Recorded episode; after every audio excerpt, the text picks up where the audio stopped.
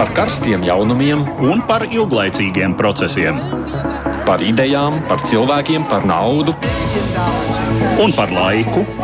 Par abām mūsu planētas puslodēm, un lietojot abas smadzeņu puslodes. Ēterā raidījums divas puslodes. Labdien! Ierastajā laikā, ierastajā vietā, ceturtdienā, trijos pēcpusdienā ētrā skan raidījums divas puslodes. Nedaudz neierasti, gan šoreiz ar jums sasveicinos Esuģis Lībijams no Latvijas radio ziņu dienesta.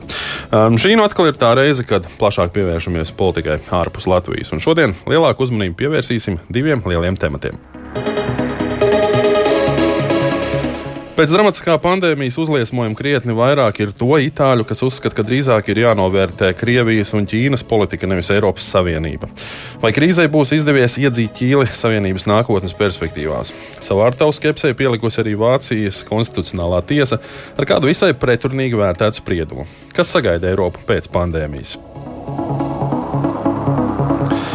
Visai saudabīgi krīzes izaicinājums risina Krievijā. Lai arī nu jau gandrīz divas nedēļas saņemam ziņas par saslimušo skaita strauju pieaugumu, pēkšņi šonadēļ karantīna Krievijā tiek mīkstināta. Kā to saprast un kas vispār notiek ar mūsu austrumu kaimiņiem? Šie divi temati arī šajā stundā plašāk tiks iztirzāti, bet sākumā arī dažas īsākas ziņas.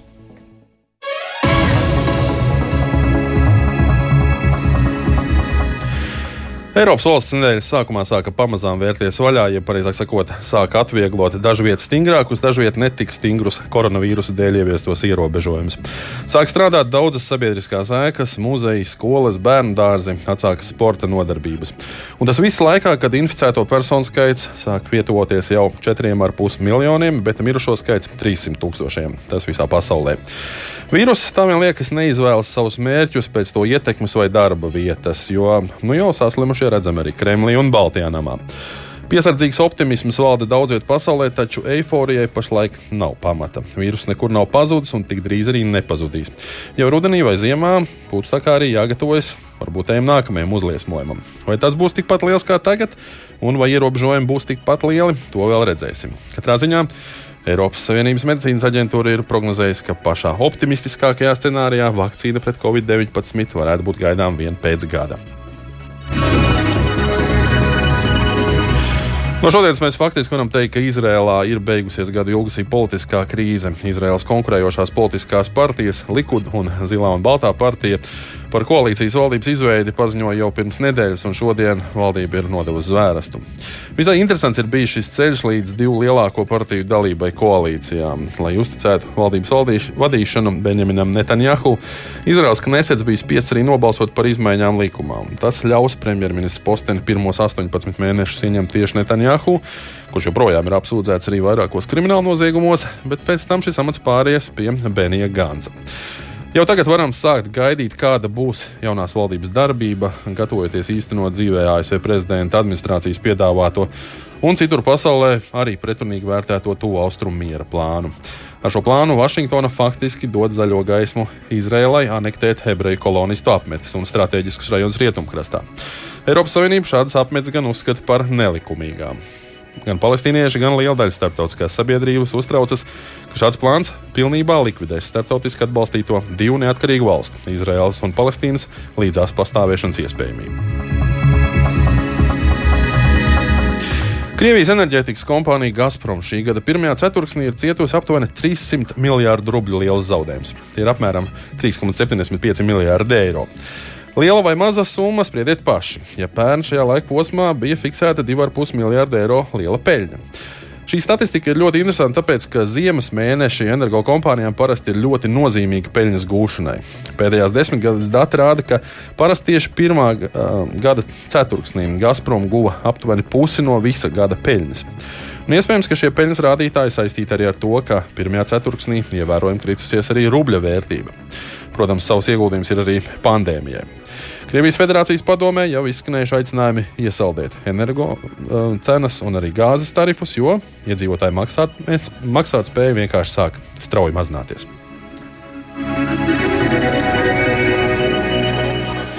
Bet tikmēr Ukraina ir spērusi ļoti nozīmīgu soli, lai savas ekonomikas stiprināšanai saņemtu aizdevumu no Starptautiskā valūtas fonda. Proti, Vakar tika apstiprināts tā dēvētais antikolomoiska likums. Tas paredz, ka banku īpašnieki un bijušie īpašnieki, kur intereses tika aizskartas bankas izslēdzot no finanšu tirgus, kompensāciju varēs saņemt tikai naudā, bet nevarēs pretendēt uz šo banku atgūšanu.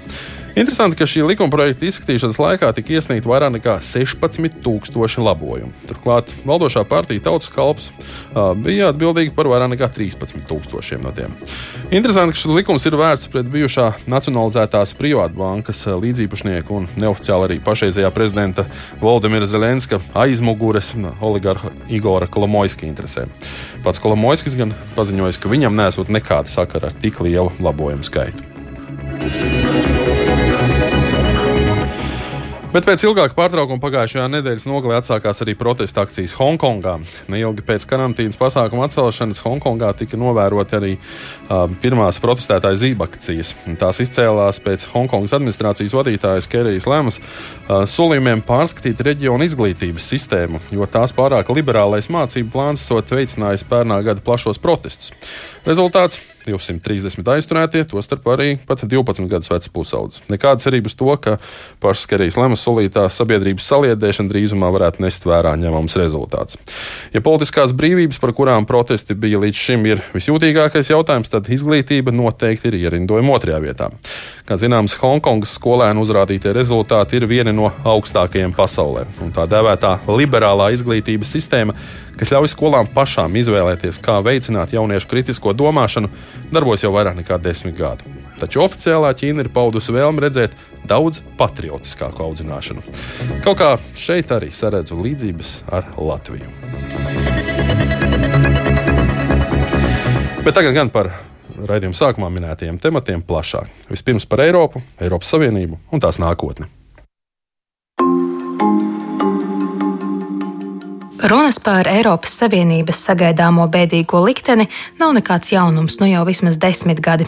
Un pēdējos gados tās vēl intensīvāks padarīs Brexits, kā arī pastāvīgā rīvēšanās starp Briseli un vairākām dalībvalstīm gan par finanšu disciplīnas, gan demokrātijas un tiesiskuma kvalitātes jautājumiem. Pandēmijas krīze ieviesus šai tēmā jaunus akcentus.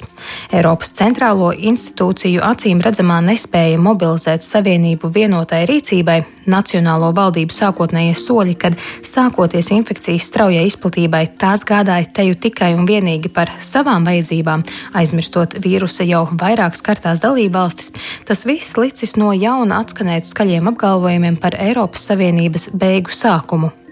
Krievijas un Ķīnas plaši izreklamētie palīdzības žesti Itālijai ir iespaidojuši šīs valsts sabiedrisko domu par labu šiem labdariem un attiecīgi par sliktu vienotās Eiropas solidaritātes izjūtai.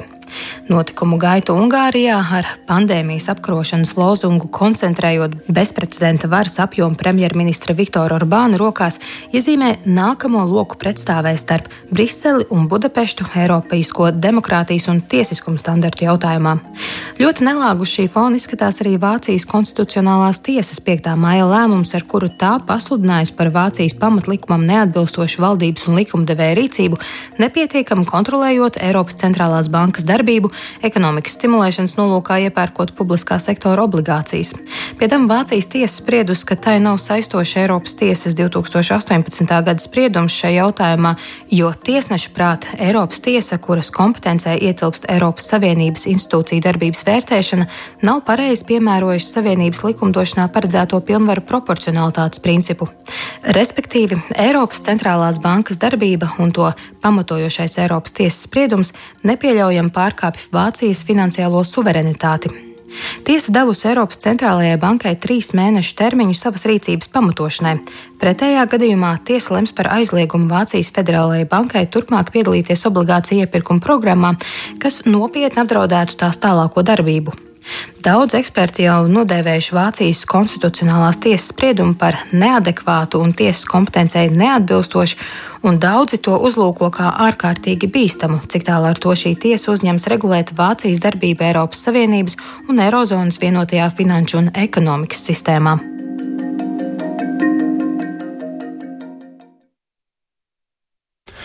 Telefoniski šobrīd mūsu raidījumam pievienojas Latvijas Universitātes asociētais profesors Daunis Auvers. Labdien! Labdien! Tāpat arī Latvijas ārpolitikas institūta pētnieks Aldis Austers. Sveicināti! Labdien! Nu, un, protams, neiztrūkstoši arī mūsu otrs raidījuma veidotājs un komentētājs Edvards Liniņš. Sveicināts! Labdien! Es gribētu mūsu diskusiju sākt tieši ar šo pēdējo jautājumu par Vācijas konstitucionālās tiesas spriedumu. Un par to jau radio viļņos arī esam diskutējuši iepriekš, taču es gribētu sākt ar Austeru kungus, ar jūsu komentāru sociālajā tīklā Facebook, un ceru, ka neiebildīsiet. Un, tātad tas patiešām ir pagrieziena punkts Eiropas integrācijas projektā, un Vācijas tiesneši ir parādījuši vidējo pirkstu Eiropas tiesai un efektīvi nogalinājuši neofunkcionālismu, integrācijas procesu galveno virzītāju iedzīvotāju spēku. Nu, tāds visai skaļš un dusmīgs apgalvojums, Austrakungs. Tagad jums iespēja paskaidrot plašāk. Jā, ne, nu, tā, tas, um, tā lieta ir sekojoša, ka patiesībā Eiropas integrācija ir attīstījusies ne tik daudz pateicoties politiķu gudrībai un, un vēlmei šo procesu virzīt un spēt vienoties, bet tieši Eiropas Savienības tiesas lēmumiem, ar kuriem viņi ir leģitimizējusi daudz, daudz pasākumus ar kuriem mēs šobrīd Eiropā sadzīvojam. Un patiesībā, ja mēs lūkojamies uz um, uh, Eiropas Savienības pamatlīguma tekstiem, tad katra principā, tā lielākā daļa no novitātēm, kas ir integrēta gan tā saucamajā mākslīgā līgumā, gan ir vēlāk, patiesībā ir, ir jau ir, ir, um, pārņemta Eiropas Savienības tiesas lēmumi, kur jau bijuši apstiprināti un tālāk vienkārši tika iestrādāti jau juridiski saistošos līgumos. Un, uh, nu jā, nu tā tad uh, viss šis integrācijas process līdz šim ir vadīts lielā mērā pateicoties no tiesnešu vērtējumam, skatījumam par to, kas ir nozīmīgi Eiropas galvenajam mērķim. Tātad šī, šai vienotībai starp Eiropas uh, tautām un mieram, un mieram šajā kontinentā. Um. Un līdz ar to šobrīd Vācijas konstitucionālās tiesas lēmums uh, paziņoja to, ka Eiropas Savienības tiesai nav kompetence, vai vismaz uh, šajā situācijā, ka Eiropas Savienības tiesa ir pārkāpusi tos kompetences robežas, ir patiesībā diezgan liels trieciens šim, uh, šim, šim procesam ko līdz šim bija vadījusi Eiropas Savienības tiesa. Aurkungs, arī jums jautājums. Mēs arī redzam, ka Eiropas tiesas spriedums jau ir gatavs apstrīdēt nu, jau arī Polija, Ungārija, viena par tieslietu reformu, otra par īstenoto patvērumu politiku. Uz kurien tas ved un kādas varētu būt sekas, jūsuprāt? Nu, es domāju, ka tās sekas nebūs ļoti dramatiskas. Um, visā ļoti jau garā Eiropas Savienības integrācijas vēsturē ir bijuši visādi brīdinājumi, ka, nu, lūk, kur katru brīdi Eiropas Savienība arī sabruks. Uh, pašā pirmā dibināšanas konferencē, kad tika parakstīts Romas līgums, uh, tad Britu pārstāvis, kas tur kā, nu, vēroja notiekošo, savā noslēdzošā runā pateicis, nu labi, tas viss ir ļoti skaisti, bet es neticu, ka jūs parakstīsiet to līgumu. Ja jūs parakstīsiet, es neticu, ka jūs vispār uh, vienosieties par institūcijām, un arī, ja tās institūcijas uh, tiks izveidotas, tur nekas nesanāks. Un, protams, Britu pārstāvim, kā Britiem tagad mēdz uh, būt vispār, viņam bija pilnīgi nepareizi. Tātad, uh, Šis Vācijas tiesas lēmums, nu, daudz kas ir atkarīgs no tā, kā pirmkārt Eiropas tiesa uz to rēģēs, Un, protams, arī daudz kas ir atkarīgs no tā, kā politiķi uh, uz to visu reaģēs. Jo, ja mēs skatāmies nu, piemēram uz eiro kā valūtu, eiro ir veiksmīgs, jo politiķi to dedzīgi atbalsta. Visos kritiskos momentos, kad eiro bija uz kaut kādas uh, gāšanas robežas, nu, piemēram, kad bija lielā ekonomiskā krīze 8. un 9. gadā, tie bija politiķi, kas spēja vienoties par risinājumiem. Un tas pats uh, faktiski ir, ir šobrīd. Vai Eiropas Savienības vadošie politiķi, ir sevišķi tie, kas pārstāv lielās valstis, Vāciju, Franciju, um, uh, Kāda būs viņu nostāja? Vai viņi ir gatavi turpināt šo Eiropas Savienības integrācijas procesu? Un es vismaz neredzu nevienu nopietnu signālu no lieliem spēlētājiem, ka viņi negribētu turpināt šo Eiropas integrācijas projektu un, un, un, un turpināt Eiropas Savienību atbalstīt. Um, pirms dodu vārdu arī Eduardam, vēl gribētu Austrikungam prasīt. Tā, daudz šajās diskusijās tiek norādīts, ka beidzoties tādai, nu, kā lai saka, uh, še, še, rodoties apdraudējumiem šim integrācijas projektam, viens no iespējamiem risinājumiem varētu būt. Ka Eiropas Savienībā ir nepieciešama padziļināta fiskālā integrācija. Varbūt varat paskaidrot, kāpēc tā un ko tas nozīmētu? Jā, nu, nu, um, nu, teiks, nu, fiskālā politika vienmēr ir otra monētas puse. Mēs runājam par makroekonomiskām politikām. Tad viena puse ir monetārā politika, kas ir saistīta ar naudas radīšanu, otrs puses ir fiskālā politika, kas saistīta ar nodokļiem un valdības tēriņiem, lai um, nu, teiksim, nepieciešamības gadījumā stimulētu ekonomikas. Un uh, Eirozonas gadījumā ir tā, ka šī monetāra politika ir centralizēta un tā atrodas Eiropas centrālās bankas kompetencē. Savukārt fiskālās politikas joprojām ir dalībvalsts kompetences. Tātad mums ir kopumā um, 19 atšķirīgas fiskālās politikas priekš vienas, priekš vienas monetāras politikas visā, visā Eiropas, uh, visā Eirozonā. Un tas, protams, rada izaicinājumus, jo um, apliecināja piemēram uh, Grieķijas situācija, uh, un arī, zin, arī šeit ar Itālijas, ka uh, šī vienotā monetārā politika var būt ar ļoti asimetrisku efektu uz, uz visām Eirozonas valstīm.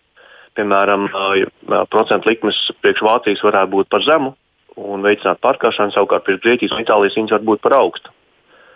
Un, un šādā situācijā ir vajadzīgi fiskāli instrumenti, lai atbalstītu vājākās Eirozonas valstis viņu attīstībā un lai palīdzētu viņām nodrošināt nepieciešamos uh, finanšu resursus attīstībai. Un tāpēc, ja mēs runājam par šo situāciju, kad Eiropas centrālās bankas iespējas būs ierobežotākas īstenot uh, plašu obligāciju iepirkuma programmu, kas var palīdzēt nodrošināt finansiālo stabilitāti Eirozonas dienvidos, tad būtu vajadzīgs, vajadzīgs šie fiskāli instrumenti. Eiropas Savienības budžets savā ziņā ir šāds fiskālais instruments, bet viņa apjoms ir stipri par mazu. Mēs runājam tikai par 1% no iekšzemes koprodukta. Kamēr, piemēram, ASV, kur arī ir monetārā savienība, Tur kopējais federālais budžets ir aptuveni 25% no ASV ekonomikas. Tātad stipri, stipri lielāks uh, iespējas atbalstīt vājākus reģionus ASV nekā Eirozonā tas ir iespējams. Edvards, kā tev izskatās no malas, vai nu, cik nozīmīgs tavuprāt ir šis spiediens visam, šis spriedums, cik Jā. viņš ir uz visu Eiropas projektu?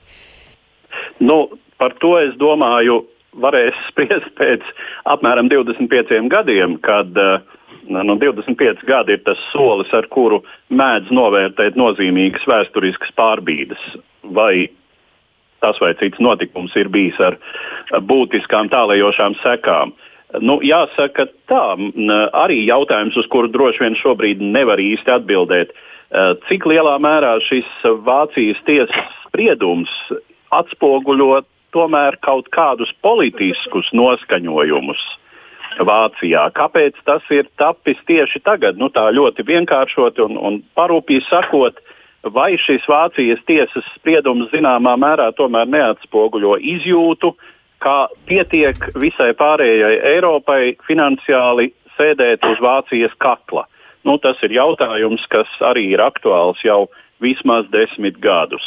Uh, un, uh, Te droši vien ir uh, iespējami dažādi scenāriji. Nu, cik es esmu paspējis par šo jautājumu palasīt, tad uh, ir droši vien optimistiskais scenārijs, kuru uh, zināmā mērā šeit jau piesauca Auerkungs. Proti, uh, nu, tas varētu būt, ka Eiropas centrālā banka sniedz kaut kādu atbildi uh, Vācijas konstitucionālajai tiesai, kas tai tā no pirmās pirmā skata nebūtu jādara.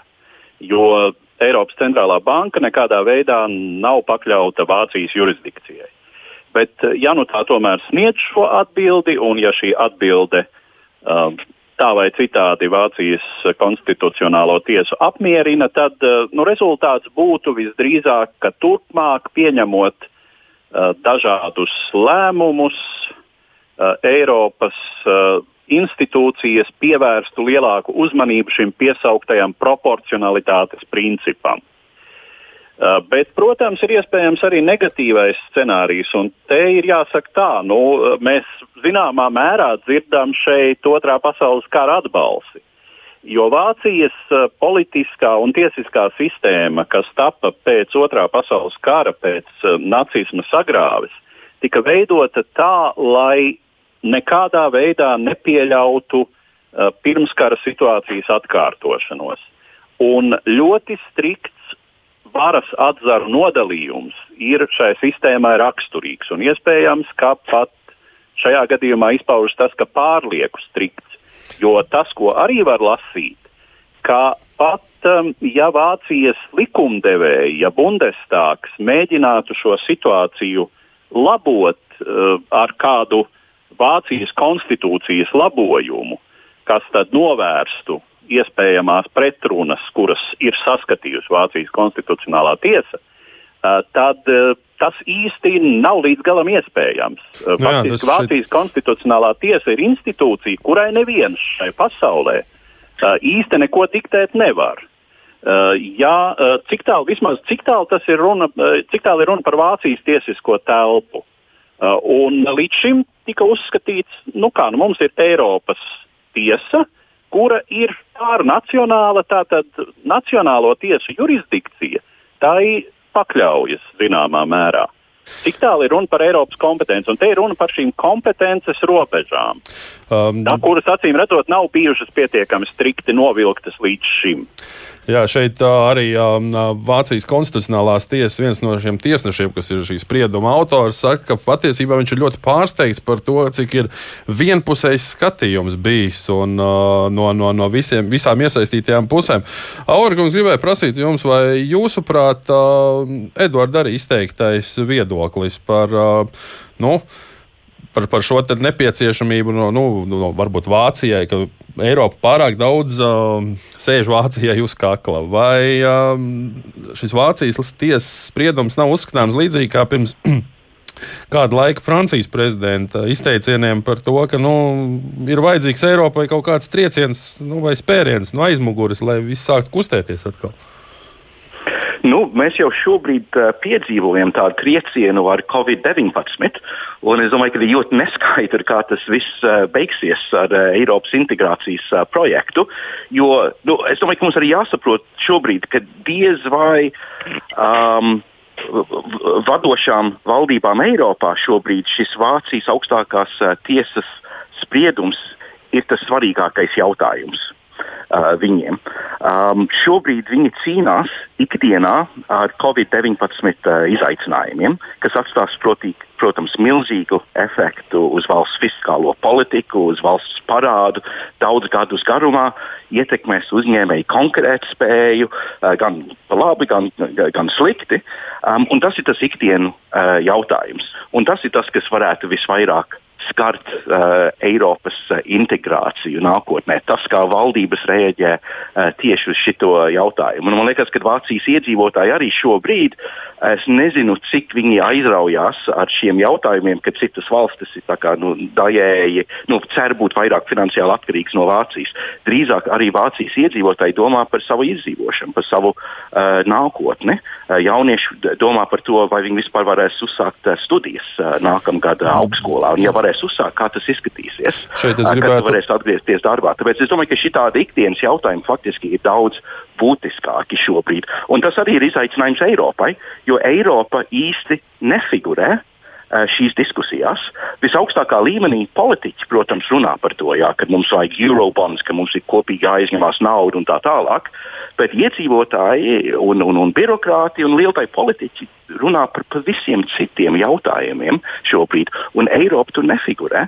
Un tad, nu, kam tad ir vajadzīga tā Eiropa? Bet, sakiet, tā krīzes momentā tā uh, es, gri redzam. es gribētu daļai piekrist, daļai nepiekrist. No vienas puses tiek uzsvērts par to, ka medicīnas joma ir dalību valstu kompetence, no otras puses, lai arī ļaujiet mums pašiem pieņemt lēmumus un rūpēties par saviem iedzīvotājiem, no otras puses mums ir vajadzīga lielāka Eiropas Savienības līmeņa koordinācija. Nu, Avarkungs, kur tad varbūt būt, kāds tad varētu būt tas universālais scenārijs? Bet vai mums ir vajadzīga lielāka Eiropas Savienības uh, koordinācija? Tas nu, daudz, daudzi saka, ka varētu lielāki iepirkumi, pieņemsim, vieglāk um, pasūtīt preces, nu, nezinu, ekipējumu un tam līdzīgi. Nu, Iespējams, ka tā varētu būt, bet uh, nu, tad tie iepirkumi, protams, būtu milzīgi. Ja pērk uz uh, cik ir tagad Eiropā iedzīvotāji pēc Britu aiziešanas 450 miljonu uh, iedzīvotājiem. Un tās vajadzības droši vien arī mazliet atšķirīgas starp tām valstīm. Tāpēc tur, tur varbūt ir tāda zināma loģika, kad valstis arī individuāli iegādājās. Nu, mazākām valstīm tas, protams, varētu būt izdevīgāk kaut kā sagrupēties kopā, bet lielākām valstīm nu, tā pievienotā vērtība, nu, tas, kad Vācija pērk kopā ar citām valstīm kaut kādus produktus, nu, noteikti nav tik izteikta kā mazām Eiropas Savienības valstīm.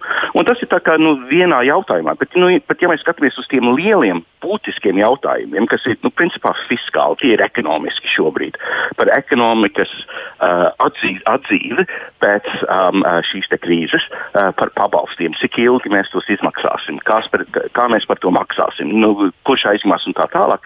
Eiropa šeit nefigurē īsti šīs diskusijās. Un tā varbūt ir tā tīra būtiska problēma. Es negribu pateikt, ka Eiropas Savienība tagad sabruks, jo Eiropa nefigurē šādos jautājumos. Tas varētu būt kaut kāds stimuls uz lielāku integrāciju uh, nākotnē. Bet nu, tad, kad parādās šīs lielās krīzes, tad bieži vien valstis vairāk skatās iekšēji un risina tos jautājumus iekšēji un mazāk domā par sadarbību ar, ar, ar viens otru. Un, nu, tas varētu būt izaicinājums Eiropai. Austerkungs, um, ja mēs skatāmies uz līdzšinējām Eiropas vadošo institūciju darbībām, um, tās būtu raksturojums vairāk kā veiksmīgas, um, reāli taustāmas vai vairāk tādas futuristiskas, tālējošas, vienkārši uz plāniem balstītas. Jā, es sākšu ar to, ka es atbildēšu uz Alverkunga komentāru par jautājumu, respektīvi retorisko jautājumu, vai mums vajadzētu vairāk Eiropas integrācijas. Uh, nu, te jāsaka, protams, ka Eiropas, pat, mums vajadzīga vairāk Eiropa nekā iepriekš šobrīd. Jo mums ir šobrīd tik daudz jautājumu neatrisināti. Tas pats attiecas attiec uz klimatu pārmaiņām, uz nelegālo imigrāciju, arī uz konkurenci no Ķīnas un ASV, kas ir lieli, daudz lielāki tirgi pār jebkuru Eiropas Savienības valsti un pastiprinoties um, šai konkurencei, īpašo tehnoloģiju jomās, ir apvienot, ir svarīgi apvienošanās spēks Eiropas mērogā, lai uh, visādā veidā varētu cerēt būt kā līdzsvars starp, starp uh, Ķīnu un ASV, ja nevienojoties un ne, ne, ne, neattīstot tālāk integrācijas, mm, šo integrācijas projektu, nu, šādas cerības nebūs. Un arī runājot par centrālo banku, Eiropas centrālo banku, um, viena no pamatpostulātiem uh, centrāla banka darbībā ir tā, ka centrālām bankām jābūt neatkarībām, neatkarīgām to instrumentu izvēlē, kādas viņas īsteno nodrošinot cenu stabilitāti. Un, uh, savā ziņā šobrīd Vācijas konstitucionālā tiesa ir ierobežojusi Eiropas centrālās bankas rīcības spēju. Tas ir pretēji tam, ko deklarēja bijušais centrālās bankas vadītājs Mario Draghi, kurš apgalvoja, ka Eiropas centrālā banka darīs visu iespējamo, lai saglabātu eirozonu. Bet šobrīd Vācijas konstitucionālā tiesa ir novilkusi tā teikt sarkanu līniju, aiz kuras Eiropas centrālā banka vairs nedrīkst iet, Un šajā ziņā centrālās bankas rīcības spēja šobrīd ir tiešām būtiski ierobežota. Jā, droši vien tā ir tā lietas būtība, ka šobrīd, ja teiksim, par, runājot par krīzes sākumu un šīm pāris nedēļām, kad bija šis mulsums vīrusam strauji izplatoties, nu šeit Eiropas Savienība izdarīja tieši tik, cik tā varēja izdarīt, vadoties no tiešām kompetenci un funkciju sadalas starp nacionālajām valstīm un Eiropas Savienību kopumā. Un mēs pat varam teikt, ka droši vien, ja mēs skatāmies tieši uz Latvijas piemēru, tad uh, saulaicīga nacionālo robežu slēgšana lielā mērā mūsu situācijai nāca par labu. Uh, un nedod Dievs, ja teiksim, šāda slēgšana būtu jāsaskaņo kaut kur Eiropas līmenī. Kas to zina? Bet no otras puses, eh, šobrīd, kad ir runa par ekonomikas palaišanu pēc krīzes, par šo atjaunošanās procesu, šeit uz Eiropu skatās ar daudz lielākām un daudz pamatotākām cerībām. Un tiešām bija runa par to, ka teiksim, naudas aizņemšanās šai vajadzībai būtu Eiropas kopējā funkcija, jo tas kādas šīs eiro obligācijas, nu tās vienkārši būtu savu ļoti pamatīgo garantiju dēļ, tās būtu daudz izdevīgākas. Tās varētu pārdot par daudz izdevīgāku procentu likmi nekā tad, ja to darītu vairums. Vairums no Eiropas valstīm atsevišķi. Nu, teiksim, Latvijas valdībai nesalīdzināmi sarežģītāk un dārgāk būtu aizņemties vienai pašai Eh, bet, eh, nu jā, Austerkungs eh, ļoti pareizi norāda, ka Vācijas konstitucionālā tiesa ir radījusi lielas šaubas par šādas, šāda projekta iespējamību. Es gribētu, es gribētu Jā. vēl katram no jums uzdot uh, vienu jautājumu, uz ko jums nu, varat katrs apmēram minūtītē mēģināt atbildēt. Jautājums tāds. Uh, šajā situācijā, kad izraisījās krīze, parasti visi acis vērsa uz uh, nu, globālo līderi Amerikas Savienotajām valstīm. Šoreiz tomēr bija situācija pretēja, un Amerikas Savienotās valsts nu, īsti nav uzskatāmas par to līderu pozīciju uh, globālajā situācijā. Uh, it kā bija pazīmes, ka Eiropas Savienība mēģināja aizpildīt šo vakumu, cenšoties kļūt par tādu kā kopējo darbību koordinātori, iniciatori. Vai jums liekas, kaut kas izdevās, neizdevās un cik veiksmīgi izdevās? Nu, manuprāt, es, es neizde, neizdevās. Sāk, sāksim, sāksim ar Austeru kungu. Ah. Jā, jā varat precizēt to, par, par ko situācija runa. Uh, kaut vai pandēmijas, tieši par pandēmijas apkarošanu, naudas vākšanu, vakcīnām un tā tālāk. Un tā. Nu jā, nu tas uh, pamata pamat jautājums. Un tiešām uh, Eiropas institūcijām nav īsti dots kompetence rīkoties šādās situācijās. Taču uh, skatoties atpakaļ vēsturiski, piemēram, kā rīkojās iepriekšējie komisiju prezidenti 90. gados, piemēram, pats slavenais Žaks Delors, viņš arī dažkārt rīkojās ārpus savām kompetencijām, izmantojot savu autoritāti un harizmu. Manuprāt, šis arī tas, kas pietrūcis ir Fontelainas kundzei, ka tieši šī harizma un spēja, kā saka, tirst dūri galdā, lai nodrošinātu kārtību Eiropā Eiropas Savienībā. Jo tas, kā Polija aizcita savus robežas, atstājot lielu daļu no Latvijas un citu Baltijas ceļotājiem Vācijā un neļaut atgriezties dzimtenē, tas bija, protams, um, labs piemērs tik slikti šāda nekoordinēta robežu slēgšana. Runājot par to globālo šobrīd perspektīvu, jā, no Eiropas komisijas šobrīd ir saņēmusies. Viņi cenšas darīt visu iespējamo, lai atjaunotu savu teikt, autoritātu un līderību šo jautājumu risināšanā. Nu, cik tas veiksmīgi risinās vai nerisinās, nu, Par to šobrīd man nav trūkst informācijas, lai nodrošinātu tādu precīzāku atbildi. Mm, šķiet, ka nu, šie, šie centieni vēl ir joprojām teikt, procesā un rezultāts vēl nav devuši. Bet, protams, tas ir apsveicami, ka komisija cenšas eh, šo kārtību nodrošināt, uzņemties līderību. Bet, eh, nu, jā, kā jau teicu, problēma ir vairāk tieši šajā personībā, ka Uzuls Mondelājens personība nav īsti eh, tāda, kāda bija Čečers kundzei savā laikā Lielbritānijā. Aura kungs. Jā, es pilnīgi piekrītu Austeru uh, kungam. Um, ja mēs padomājam par to, kā tas vizuāli ir izskatījies līderība krīzes laikā, tad nu, lielā gājā pasaules valstīs uh, politiskie līderi premjeras, prezidents, veselības ministrs uh, ikdienu uzstājās preskonferencē un pastāsta par jaunumiem. Un tad milzīga uzmanība visās valstīs ir vērsta tieši šīm uh, preskonferencēm.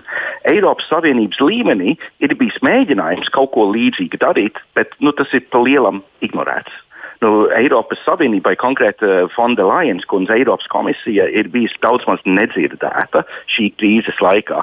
Un varbūt tas ir saistīts ar viņas personību, kā Austerkungs teica, bet manuprāt ir arī tāda sistēmiska problēma. Proti, pirms gada, pirms Eiropas Savienības parlamentām vēlēšanām, mēs visi runājam par spicēnu kandidātiem. Kurš tad varētu būt tas uh, vadošais kandidāts, kas ieņems komisijas uh, vadītāju amatu? Un tad pēc vēlēšanām uzmeta līderus, laikam Makrons, un iecēla Fondelēna kundzi viņas vietā. Tātad neviens no šiem cilvēkiem, kas formāli cīnījās par šo amatu, arī neieņēma šo amatu. Un tātad Fondelēnam faktiski uh, pietrūka tas moments, nu, ka viņa būtu cīnījusies un kandidējusi un, un runājusi ar cilvēkiem un ieguvusi lielāku atpazīstamību un varbūt arī lielāku pašpārliecību par savām spējām. Tāpēc nu, šeit, man, manuprāt, ir arī sistēmiska problēma, uh, skatoties uz to, kā izvēlējās pēdējo uh, komisijas uh, prezidentu. Un pirms pārējiem pie nākamā temata vēl Edvards, tev īsam komentāram viedoklis. Nu, es varu tikai piekrist Auerkunga teiktajam. Man šis aspekts arī šķiet eh, ļoti interesants un būtisks. Eh, un, eh, ja runājam par uzmešanu, tad uzmests tika faktiski visvairāk tieši lielākās Eiropas parlamenta frakcijas kandidāts un nu, šīs Eiropas Tautas partijas frakcijas kandidāts, kuru nomainīja Fonderlajenas kundze, jo nu, pārējie, kuri kā šie spicņu kandidāti pretendēja uz šo posteni, nu vismaz ieņēma uh, šo Eiropas komisijas uh, izpildu vice uh, prezidentu amatus. Ja? Um, un, jā, nu, ko, ko nu es vēl tur varu piebilst? Man liekas, ka Tas viss kopumā rāda, eh, ka Eiropas Savienība joprojām ir eh, dinamiskā tapšanas procesā esošs organisms, un organisms, kuram līdz šim nav precedenta, nav parauga, kuru, no kura varētu paskatīties, kā, kas būtu darāms, kurā situācijā. Un ne, neviena iepriekš pastāvējusi valstu savienība, alianse nav uh, pietiekami tuvs paraugs, nu, nerunājot par uh, kādām atsevišķām uh, valstīm. Nu, varbūt Savienotās valstis ir, teiksim, zināmā mērā, bet nu, tomēr, tomēr tā ir federāla valsts. Tā tad vēl, vēl topam un vēl attīstamies. Nu, jā, tieši tā. Labi, tieši paldies. tā un augšanas grūtības ir Dabisks no process. grūtības nevajadzētu uztvert kā, eh, kā letalitātes apliecinājumu. Ja? Jā, paldies šajā brīdī. Īpaši teikšu Latvijas Universitātes asociētajam profesoram Daunim Aueram. Pārējie raidījuma dalībnieki paliek pie klausulas, bet mēs turpinām ar nākamo tematu, tālāk par to, kas notiek Krievijā. Koronavīrus pandēmija Krieviju sasniedz marta sākumā. Līdz marta vidum dienā reģistrēto inficēšanās gadījumu skaits bija mazāks par desmit. Kopš 16. marta tie jau bija vairāki desmiti gadījumi dienā, bet 25. martā šis rādītājs pirmoreiz pārsniedza simtu un turpināja augt. Marta beigās sasniedzot jau 500 jaunu gadījumu dienā. Kopš 30. marta ar prezidenta Putina rīkojumu valstī tika ieviests tā saucamais nestrādājamo dienu režīms, pārtraucot darbu uzņēmumos un iestādēs, kuras nestrādā brīvdienās, taču saglabājot algu to darbiniekiem. Stingrāka ierobežojuma ieviešana tika atstāta reģionu vadītāju ziņā. Šādā situācijā Krievija pavadīja sešas nedēļas. Epidēmijai tikām vēršoties plašumā. 7. aprīlī jaunu inficēšanās gadījumu skaits pirmoreiz pārsniedz 1000, 15. aprīlī 3000. 3. maijā 10 tūkstoši, un kopš šī laika tas nav bijis mazāks par 10 tūkstošiem dienā. Šobrīd Krievija ar 242 tūkstošiem inficēšanās gadījumu ir otra pandēmijas smagāk skartā valsts pēc ASV. Tiesa, nāves gadījumu skaits, ja var ticēt oficiālajai statistikai, ir proporcionāli neliels, nesasniedzot 1% no inficēto skaita. Salīdzinājumam Savienotajās valstīs šis rādītājs ir gandrīz 6, Spānijā nepilni 12, apvienotajā karalistē vairāk nekā 14, bet vidēji pasaulē apmēram 6,8%. Šo pirmdienu Krievijas prezidents Vladimirs Putins nāca klajā ar uzrunu valsts iedzīvotājiem, kurā izsludināja nestrādājamo dienu režīmu pārtraukšanu no 12. māja. Šis režīms, kā norādīja prezidents, ļāvis veselības aizsardzības sistēmai pienācīgi sagatavoties, un tagad vēlamais rezultāts esot sasniegts. Tomēr Krievijas reģionu vadītājiem joprojām paliek pilnvaras saglabāt jau noteiktos ierobežojumus vai ieviest jaunus. Atsevišķi opozīcijas pārstāvji jau kritizējuši šo prezidents soli kā atbildības novelšanu no centrālās varas uz reģionu vadītāju pleciem. Tāpat paziņojumā tika deklarēti vairāk atbalsta pasākumi medicīnas sfērā strādājošiem, ģimenēm ar bērniem un īpaša kredītprogrammu uzņēmumiem, kas orientēta uz darbu vietu saglabāšanu.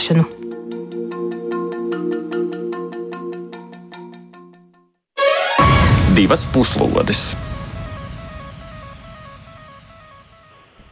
Atgādinu, ka mūsu sarunā joprojām piedalās Latvijas ārpolitikas institūta pētnieks Aldis Austers un arī raidījuma līdzautors Edvards Liniņš. Um, šoreiz es gribētu sākt ar jautājumu tev, Edvard. Vai šis um, apraksts, tavuprāt, ir viens no kārtējiem apliecinājumiem teicienam, ka Krievija tā īsti ar prātu nevar saprast? Nu, zināmā mērā jā. Jo mm, tas risinājums, kur izvēlējās Krievijas valdība, proti pasludināt brīvdienas, ko tas nozīmē? uh, izējamās dienas. Ja, faktiski. Tad, ko tas nozīmē? Tas nozīmē, nu, izējamā, uh, teiksim, iziet ārā. Jā, es arī, ne, es arī domāju, rakstot šo tekstu, šo ievadu tekstu, es domāju, ka izējamā diena nu, nav pareizs tulkojums šai gadījumā. Ir tiešām jātulko tā diena. Laikam tur ir ja, nedarba nestrādā. diena, arī nav īsti laikam pareizi. Kā lūdzu? Un, ne. Nu ne brīvdiena, brīvdiena arī nē. Ja, tad tiešām nestrādājamās dienas. Ko tas nozīmē? Tas nozīmē, ka no vienas puses valdība nosaka iz, iestāžu uzņēmumu aizvērtību šais dienās, tātad tie ne, ne, nestrādā, nedarbojas, bet eh, tajā pašā laikā nu, tā kā nav izsludināts ārkārtas stāvoklis valstī, eh, tad valstī atkrīt dažs labs pienākums atbalstīt attiecīgi uzņēmumus, nu, pirmkārt, privātos uzņēmumus, privātos biznesus, kuriem brīvdienu režīmā esot, ir jāmaksā pilna alga saviem darbiniekiem. Nu, tā kā tas vienmēr notiek. Nu, šāds risinājums īsti nav, manuprāt, bijis nevienā citā Eiropas valstī, tur, nu, vai, vai vispār val pasaules valstī. Nezinu par visām, bet nu, runājot par lielākajām. Tātad, ja ir karantīna, tad tā ir karantīna, un tad iestājas attiecīgi, attiecīgas valsts atbalsta pro programmas. Nu, Krievijā it kā šīs valsts atbalsta programmas arī uh, parādās dienas kārtībā, taču uh, nu, tam visam ir daudz neobligātāks raksturs. Un, protams, tagad, nu, ka, kad tagad šo situāciju maina brīdī, kad uh, nu, teiksim, tie saslimstības rādītāji, jā, tie procentuāli vairs neaug, bet tie joprojām ir ļoti augsti. Nu, tātad, uh, kopš kāda laika, 10, 11. Aptuveni 10, 11 tūkstoši dienā. Jā. Jā, jā, tad... Man ienāca prātā tāda ķecerīga doma, nu, ņemot vērā, ka Putina popularitāte krītas. Atbildība par krīzes risināšanu pašlaik lielākoties ir uz reģionu līderiem. Nu, izrādās īsti netiek galā. Varbūt šis ir iemesls atkal Putinam atjāta baltā zirgā, izdūri galdā, ieviest kārtību, piekuriģēt statistiku. Viss atkal būs lieliski. Austerkungs. Jā, nu, visticamāk, ka tāds scenārijs ir tiek gatavots. Jo šajā valstī ir, ir tikai viena lieta svarīgākā, un tā ir valsts prezidenta, tas valsts prezidenta reitings. Tiek darīts viss, lai protams, šo reitingu paaugstinātu, un tiek nedarīts nekas, ka šo reitingu varētu samazināt. Un atcerēsimies, ka pandēmijas sākumā uh, Krievi noliedz, ka vispār šī pandēmija varētu kaut kādā veidā, veidā viņu ietekmēt un sūtīja savus medītus palīgā uz Itāliju. Iedomājot par to, ka vajadzētu pasargāties arī pašai. Uh, jo tas nāca par labu prezidenta reitingam. Nu, tagad, tad, kad pandēmija, ir izlausies Krievijā, nu, jā, tad sākās uh, tik pieņemti kaut kādi mēri, bet nu, arī, zin, uh, kā, kā, jūs, kā jūs pats minējāt, tieši brīvdienu formā, nevis ka tā būtu kaut kāda karantīna un sociāla distancēšanās, kas varētu negatīvi ietekmēt prezidenta reitingus, bet tieši brīvdienas, kas cilvēkiem patīk. Un rezultāts, protams, ir uz acis. Un, nu, jā, un tas, ka arī šī mm, mirušo skaita statistika ir diezgan zema, uh, patiesībā ne diezgan pamatīgi zemāk nekā citur pasaulē, liecina, ka ticamāk arī šie dati netiek uzrādīti pilnībā mērā un tiek slēpti. Nu, jautājums tikai par to, vai Krievijas sabiedrība nu, spēs aptvert šo zaudējumu apmērus vai nē. Nu, tas, tas tādā totalitārā valstī ir grūti novērtējams, uh, kurā virzienā šis var kaut kas nosvērsties. Vai nu tas uh, uh, kaut kādā veidā palīdzēs uh, uzlabot prezidenta reitingus, vai tieši otrādi, uh, līdzīgi kā bija padomu gados. Uh, kad uh, sabiedrība kurnē par, par uh, valsts vadību, varbūt arī šī kurnēšana turpinās izvērsties un kādā veidā mm, turpināt nospiest uh, prezidenta reitingu zemāk. Bet tad, kā jau mēs zinām, šādās situācijās prezidentam ir arī savi instrumenti, kā uzlabot šos reitingus, ir kaut kādas intervences ārvalstīs, lai demonstrētu Krievijas spēku pasaulē. Un tagad aicināšu jūs ieklausīties vēl vienā viedoklī, proti, situāciju Krievijā lūdzām komentēt laikraksta Novoja Gazeta žurnālistei Irinai Tumakovai. Paklausīsimies viņas teikto.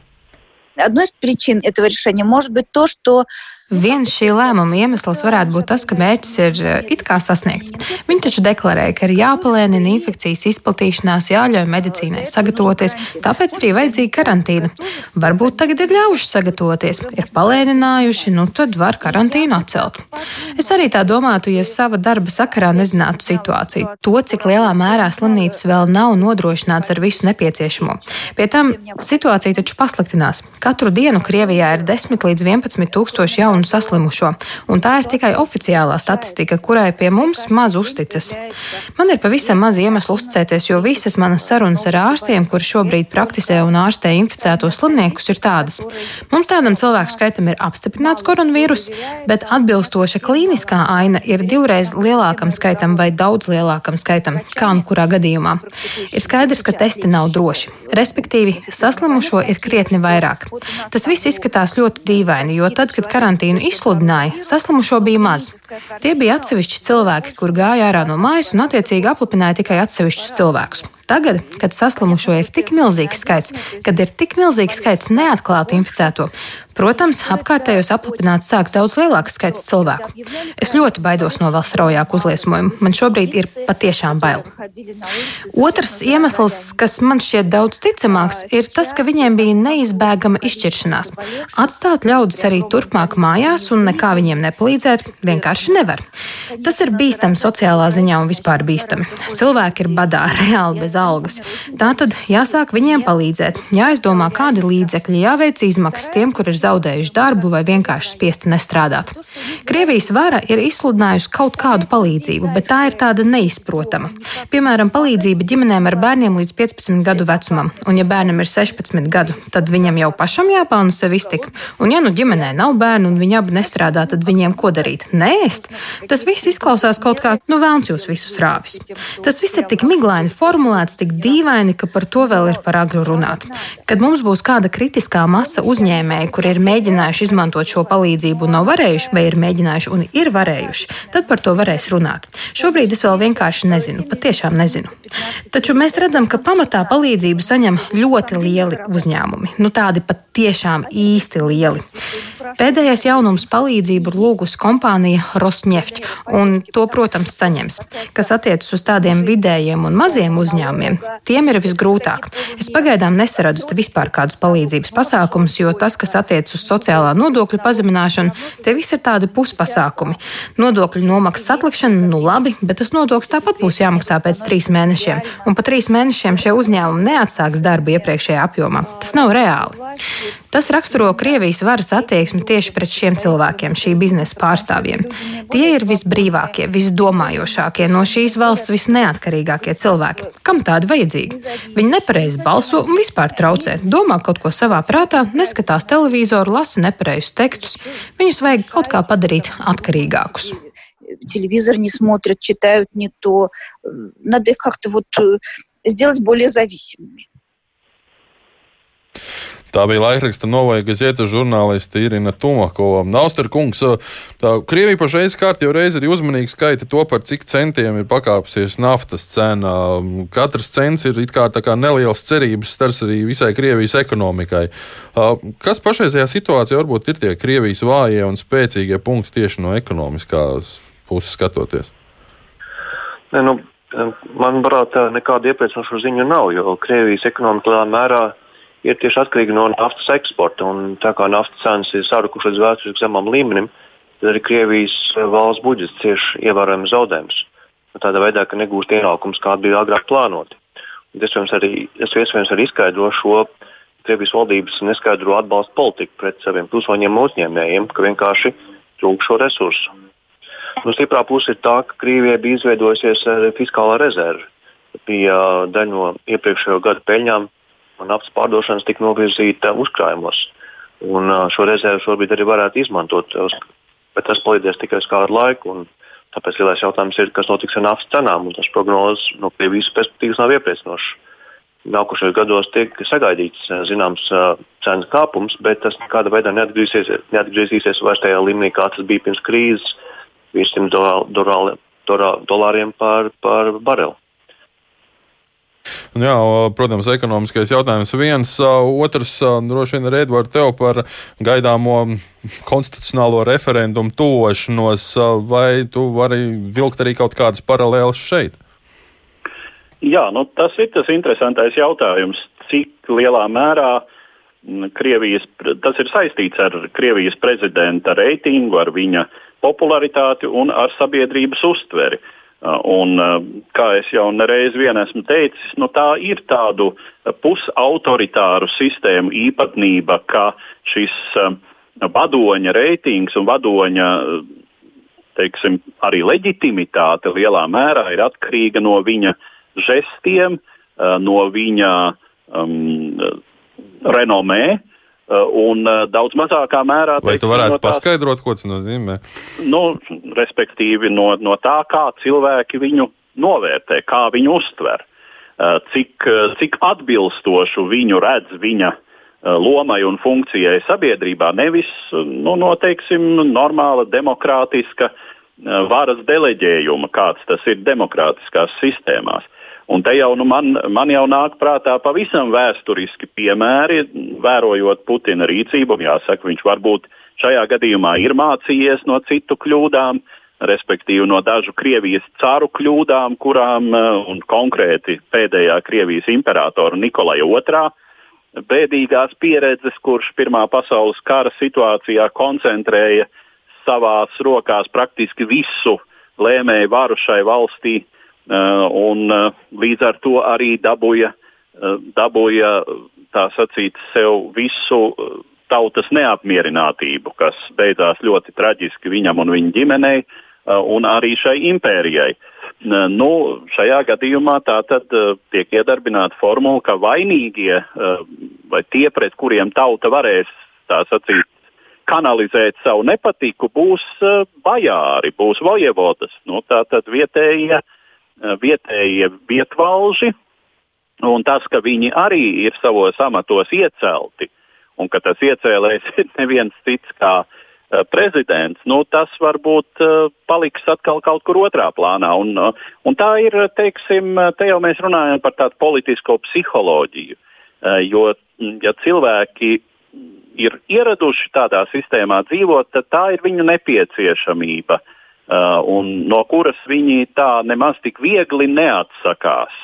Nu, tā ir tradīcija, tā varētu teikt, ka viņiem vajag nu, teiksim, tā tad ir skaidrs, ir slikti. Uh, bet ir ļoti labi, ja tu vari vainot nevis sistēmu kopumā vai, vai teiksim, pašu pirmo personu, bet ja tu vari to atbildību uh, pieprasīt no kāda zemāk stāvoša, kurš tad arī kļūst par grēkāzi. Um, nu, izskatās, ka tomēr uh, šis scenārijs varētu atkal Krievijā nostrādāt. Starp citu, nu, tāda vēl tāda nianse, kas palika laika trūkuma dēļ aiz um, Irīnas teiktā iekavām mūsu sarunā, uh, bija tas, ka viņa saka, nu, sabiedrība. Sabiedrība Krievijā izrādās daudz sakarīgāka nekā vara, uh, jo ir ļoti plaša brīvprātīgo kustība, uh, atbalsta kustība saslimušajiem. Cilvēki ir arī salīdzinoši ļoti disciplinēti, apzinīgi.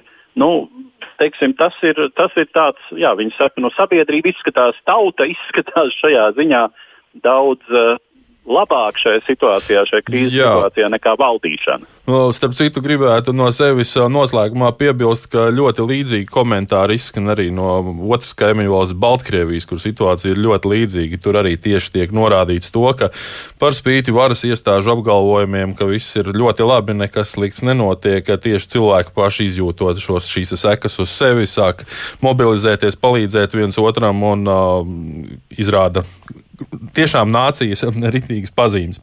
Šajā brīdī man jāliek punkts šīs dienas diskusijām. Atgādinu, ka mēs sarunājāmies ar Latvijas ārpolitikas institūta pētnieku Aldi Austeru. Paldies jums!